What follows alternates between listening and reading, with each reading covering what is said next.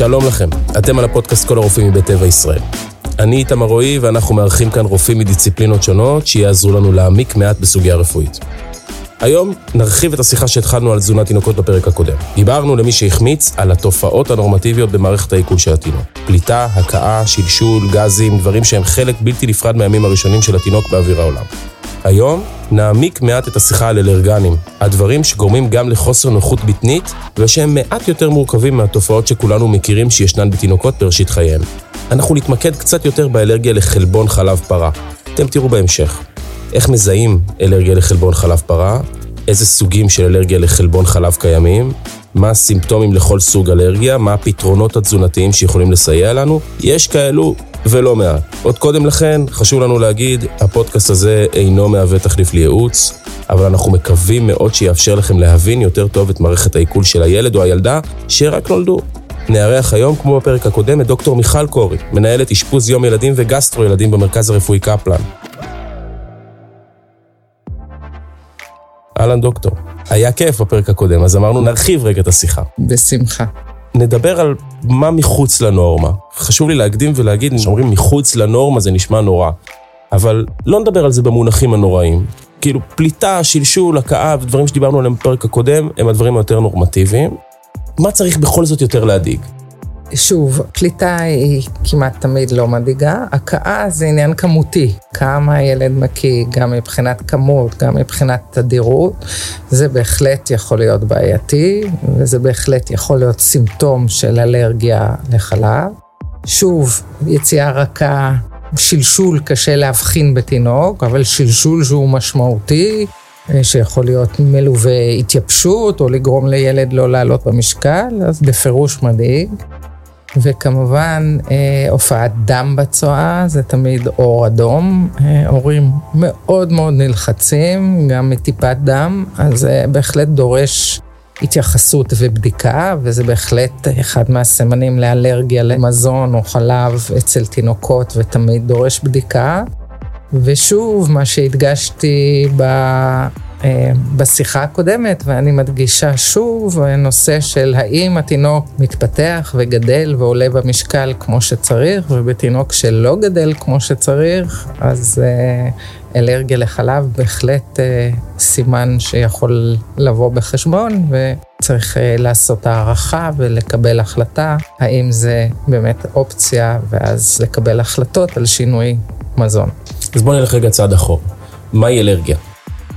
אז אלרגיה היא תופעה אימונית, אמ, שיש תאים שונים במערכת החיסון שמתווכים, ובגדול אנחנו מחלקים את האלרגיות לאלרגיות שהן מתווכות על ידי נוגדנים שנקראים IgE, שאלה אה, אלרגיות אה, מסכנות חיים, לעתים, לא תמיד, אבל אלה קבוצה של אלרגיות שמדופחות על ידי נוגדנים.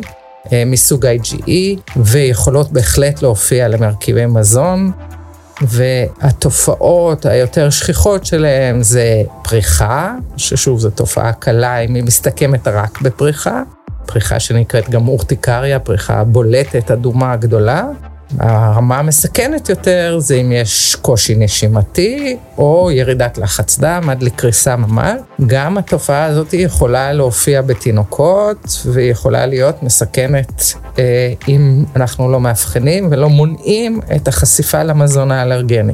אבל שוב, רוב התופעות מסוג IgE הם לא במערכת העיכול, ויש קבוצה של התופעות אלרגיות שהן נקראות Non-IgE Mediated Food Allergy, זאת אומרת, התיווך של האלרגיה על ידי תאים אחרים של מערכת החיסון, ובדרך כלל תופעות הן יותר איטיות. הן לא מסכנות את הילד, בוודאי לא ברמה המיידית, והתופעות הן הרבה יותר במערכת העיכול, זה יכול להיות הקאות, זה יכול להיות אה, אי שקט קיצוני, זה יכול להיות חוסר עלייה במשקל, ושלשול, שיכול להיות שלשול רגיל, ויכול להיות שלשול עם דם. אז זה התופעות. ושוב, ברפואה יש אה, תחום אה, חשוב שנקרא הבחנה מבדלת לכל תופעה, להכאה, יש הבחנה מבדלת לשלשול, מה גורם לתופעה, ואלרגיה זה אחת הסיבות שגורמות לכל אחת מהתופעות האלה. לאיזה מזונות יש שכיחות גבוהה לאלרגיה בקרב תינוקות? אז כמובן המרכיב החשוב ביותר זה חלב פרה, ותינוק שמקבל פורמולה שבנויה על, רוב רוב הפורמולות בנויות על חלב פרה, והוא מפתח איזה שהן מהתופעות שתיארתי, או פריחות, או הקאות, או שלשול, כל עוד שהוא אוכל חלב פרה. זאת ההבחנה, אלרגיה לחלב פרה, וברגע שנוריד את האוכל התחליפי חלב פרה, ששוב תכף נדבר על התחליפים האפשריים, אז אנחנו בדרך כלל נפתור את הבעיה. אצל תינוק יונק אין אלרגיה לחלב של האם, אין דבר כזה, אבל יש אלרגיה למרכיבים שעוברים דרך חלב האם לתינוק, וכל מה שהאימא אוכלת עובר לתינוק, אה, הוא מפורק, והוא עובר כבר בתוך החלב, אבל יש חלבונים שעוברים, ועדיין בתוך המרכיבים שעוברים מהאם לתינוק, החלב פרה הוא המרכיב ה... שמושפעים מהתזונה שלה. כמובן, ואז החלב פרה הוא המרכיב השכיח ביותר. יש עוד מרכיבים שתכף נפרט אותם. אז באימא שמניקה, למשל, התופעה הכי שכיחה של אלרגיה, זה מה שאנחנו קוראים allergic colitis, זה דלקת אלרגית של המעי הגס, שמתבטאת בשלשול או בריר דמי. אה, בעיקר ריר או ריר ודם בצואה, ואז אנחנו נדריך את האימא בשלב ראשון להוציא מהתזונה שלה את החלב. ולפעמים זה מספק, ולפעמים צריך לעבור לעוד uh, מרכיבים שהאימא צריכה להוריד מהתזונה שלה. זה גנטיקה? בהחלט יש מרכיב גנטי. הרבה מהתינוקות שיש להם אה, אלרגיה לחלב, יש בן משפחה נוסף אה, עם היסטוריה של אלרגיה לחלב, לפעמים אה, או לאלרגיה למזון, ולא משנה איזה תת סוג, למי שיש נטייה לאלרגיה למזון, אז יש לילדים אחרים במשפחה, או אם הורה יש לו, יש יותר נטייה לילדים. יש גם תופעה שנקראת atopic dermatitis, שזה אלרגיה של העור, שהרבה פעמים הולכת עם אלרגיה למזונות, אז אם לילד יש תופעות עוריות של אלרגיה. אסתמה של העור. אה. כן, זה atopic dermatitis, אז זה שם היותר עממי, זה אסתמה של העור, אז זה כן הולך הרבה עם תופעות אלרגיה לחלב. אה, האלרגיה הנשימתית, אסתמה פחות, אבל גם ולאלרגנים נשאפים, בעיקר לאסתמה של העור ולאלרגיה למזון אחר. מעניין אותי אם זה משתנה עם השנים. כלומר, ילד שנולד אה, עם אלרגיה למזון מסוים, יכול לגדול להיות מבוגר בלי אלרגיה לכלום. אז הם אה, בהחלט, רוב, קודם כל יש הבדל בין האלרגיות שהן IgE mediated ו-non IgE. האלרגיות שהן במערכת העיכול, שרובם הם non-IgE mediated, רובם חולפות בשנים הראשונות לחיים. במיוחד למשל האלרגיה השכיחה ביותר של הריר ודם בצואה, הקוליטיס, רוב התינוקות עד גיל שנה זה יחלוף והם יוכלו לאכול מוצרי חלב.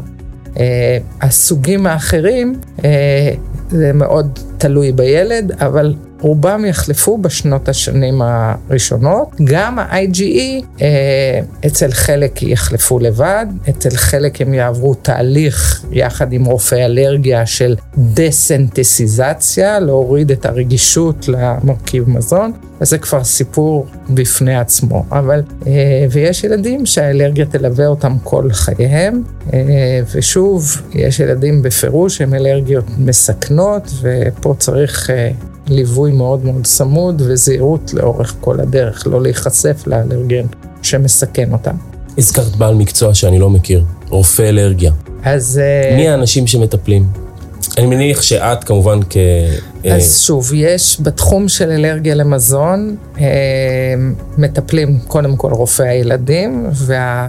מומחים שמטפלים בתחום זה רופאי הגסטרו-ילדים, מערכת העיכול, ורופאי האלרגיה. הם בעיקר מתעסקים עם האלרגיות שהן מסוג ה-IgE mediated, הם עושים את הטסטים ההוריים, לראות, הם מזריקים טיפה חלבון חלב, לראות אם יש תגובה, או חלבונים של אה, מרכיבי מזון שונים, ורואים אם יש תגובות, וילדים שיש להם תקופה שמסכנת אותם, מציידים אותם במה שאנחנו קוראים אפיפן, בעטים. אה, של הזרקת... אה, עלה לכותרות לא מזמן בנסיבות לא טובות. נכון, שאם ילד כזה נחשף, הוא צריך לקבל אפרפרין, תרופה שתנטרל את הסיכון שלו. וכשיש תופעות במערכת העיכול, יש מקרים שאנחנו בהחלט מפנים לרופא אלרגיה, אה, כי לפעמים יש גם שילוב בין התופעות שהן מתווכות על ידי הנוגדנים, ה-IgE, ותופעות שאין תיווך. על ידי נוגדנים. ה-non-IgE. ה-non-IgE, ואז אנחנו עובדים במקביל וביחד. דוקטור, לפני הכל נגיד, כמו שאמרנו בפרק הקודם, שתזונת אם היא התזונה המומלצת. ואחרי שאמרנו את זה, כדי להתמודד עם האלרגיה לחלבון חלב פרה, מהם השילובים ש... שאנחנו יכולים לעשות? אז, התזונתיים, כמובן. אז, כמובן, אם מדובר בתינוק, ושוב, רוב האלרגיות מאובחנות בתינוקות, אז השלב הראשון זה להוריד את החלבון חלב פרה, ואם זה ילד שמקבל תמ"ל, אז אנחנו ממליצים על תמ"ל מפורק, ושוב, יש דרגות פירוק של החלבון, אנחנו ממליצים על מה שנקרא extensively hydrolyzed פורמולה שיש פירוק משמעותי מאוד של החלבונים של החלב, ממש לשרשרות קצרות של חומצות אמיניות. אז זה האוכל המועדף לתינוק אה, שמקבל פורמולה חלבית ומפתח כל סוג של אלרגיה, לא משנה אם היא מתווכת IgE או non-IgE. אז הוא צריך לעבור לפורמולה מפורקת, זו פורמולה רפואית, היא דורשת מרשם של רופא, אין פה אופציה של ההורים לקנות את זה, זה ההבחנה נעשית על ידי רופא, היא יכולה בהחלט לעשות על ידי רופא הילדים, ולפעמים מתייעצים עם המומחה של האלרגיה או המומחה הגסטרו. בתינוקות שיונקים ומפתחים תופעות אלרגיות, ושוב, השכיח ביותר זה ריר או דם בצואה, אז אנחנו, השלב הראשון זה מנסים להוריד מרכיבי מזון מצונת האימא, האם, ושוב, הראשון שאנחנו מורידים זה חלב, אבל יש לנו בגדול שישה אלרגנים, ש... ושוב, האימא צריכה להחליט אם היא מסוגלת לעמוד בתזונה מיוחדת שמורידה הרבה מרכיבי מזון, אז אנחנו מורידים חלב, אה, סויה, ביצים, דגים, כל קבוצת האגוזים, בוטנים, סומסום וחיטה. עכשיו, אם מורידים... לא נשאר הרבה, דוקטור. נכון, נכון. אז אה, שוב, בדרך כלל לא מורידים את הכל ביחד, מורידים או מרכיב. תמיד מורידים את החלב קודם. ורואים איך מגיבים? ורואים איך הילד מגיב. אם נעלם לו הריר והדם מהצואה, מצאנו. אז מצאנו. אם לא, אז מורידים עוד משהו, ואז שוב, כל אימא לפי היכולות שלה, לפעמים בגלל שהיא הורידה חלב, היא עברה לסויה, וזה ממשיך, אז בוא נוריד את הסויה, לפעמים את הביצים. ושהאימא לא עומדת בזה, אה, שזה קשה, אז יש לנו תחליפים, ושוב, אפשר לתת את הפורמולה המפורקת מאוד, שזה נקרא extensively hydrolyzed, אבל בדרך כלל בתינוקות המאוד אלרגיים, שלא מגיבים להורדה 1, 2, 3, ואנחנו מחליטים לתת פורמולה, יש לנו פורמולה מפורקת ביותר, שמורכבת מאבני הבניין, שזה החומצות אמינו, זו פורמולה אה, הכי בסיסית שיש, שבנויה על חומצות אמינו, והתינוק יאכל את זה כתחליף עד שבדרך כלל האלרגיה תעבור תוך כמה חודשים. יש עלייה בשנים האחרונות של תופעות חדשות בתזונה. אה, טבעונות, אה, תופעות חדשות זה קצת הגדרה מוזרה להגיד על טבעונות, אבל הבנת אותי. אה, איך זה משפיע על, ה, על התזונה של, ה, של הילד? איך זה פוגש אותך כ, כרופאה שצריכה להתאים את התזונה לילד? האם יש פתרונות אם ההורים לא רוצים להזין בחלב? אוקיי, okay, אז באופן בוא נגיד ככה, רוב ההורים שהם צמחונים או טבעונים כתפיסת עולם ירצו להעניק את הילד שלהם. אה, כי זה הדבר הטבעי. אנחנו חד משמעית לא ממליצים אה, תזונה צמחונית או טבעונית לתינוקות, חד משמעית לא. ואם ההורים עקשנים, ויש לנו הרבה הורים ששוב, זכותם אה, להאמין בדרכם, רוב ההורים, אם נגיד להם בתור רופאי הילדים שזה לא טובת הילד ותאמצו את הצמחונות טבעונות בגיל יותר מאוחר, ילכו עם זה, אבל אם הם uh, מתעקשים, אז הם צריכים ליווי של דיאטנית, לראות שהילד מקבל את כל המרכיבים שהוא צריך. גם מבחינת החלבון, גם מבחינת הוויטמינים, כי התזונה שלא מותאמת לגיל הזה יכולה ליצור חצרים אחרים. אז זה חייב להיות בליווי. אם ילד מתחת לגיל שנתיים, ההורים בחרו בצמחונות, אה, חייב אה, ליווי של אה, דיאטנית ורופא ילדים לראות שאין חסרים. בואי נגיד רגע מילה על השכיחות, כי אנחנו בכל זאת מקדישים לזה פרק, ועד כמה זה, עד כמה זה נוכח? כמה, מה אחוז הילדים ש, שסובלים מזה? אז uh, תמיד השאלה את מי שואלים. Uh, אם uh, אנחנו שואלים, עושים סקר נגיד של הורים, אז זה יכול להגיע אפילו לעשרה אחוז מהילדים, אבל אם זה מוכח על ידי מה שאנחנו קוראים חשיפה, הימנעות וחשיפה חוזרת, מדבר, ובדיקות מעבדה, אנחנו מדברים עד חמישה אחוז, ושוב, זה מאוד תלוי גיל, אבל אין ספק שבשנים האחרונות יש עלייה בשכיחות של כל המחלות האימוניות והמחלות האלרגיות. אה, בגדול מדברים על עד שלושה עד חמישה אחוז מהתינוקות ילדים סובלים מאלרגיה לחלב בשנים הראשונות, ושוב להדגיש שהרוב זה עם תופעות שלא מסכנות אותם, וזה יעבור עם הזמן. דוקטור, תודה רבה שעזרת לנו. בשמחה.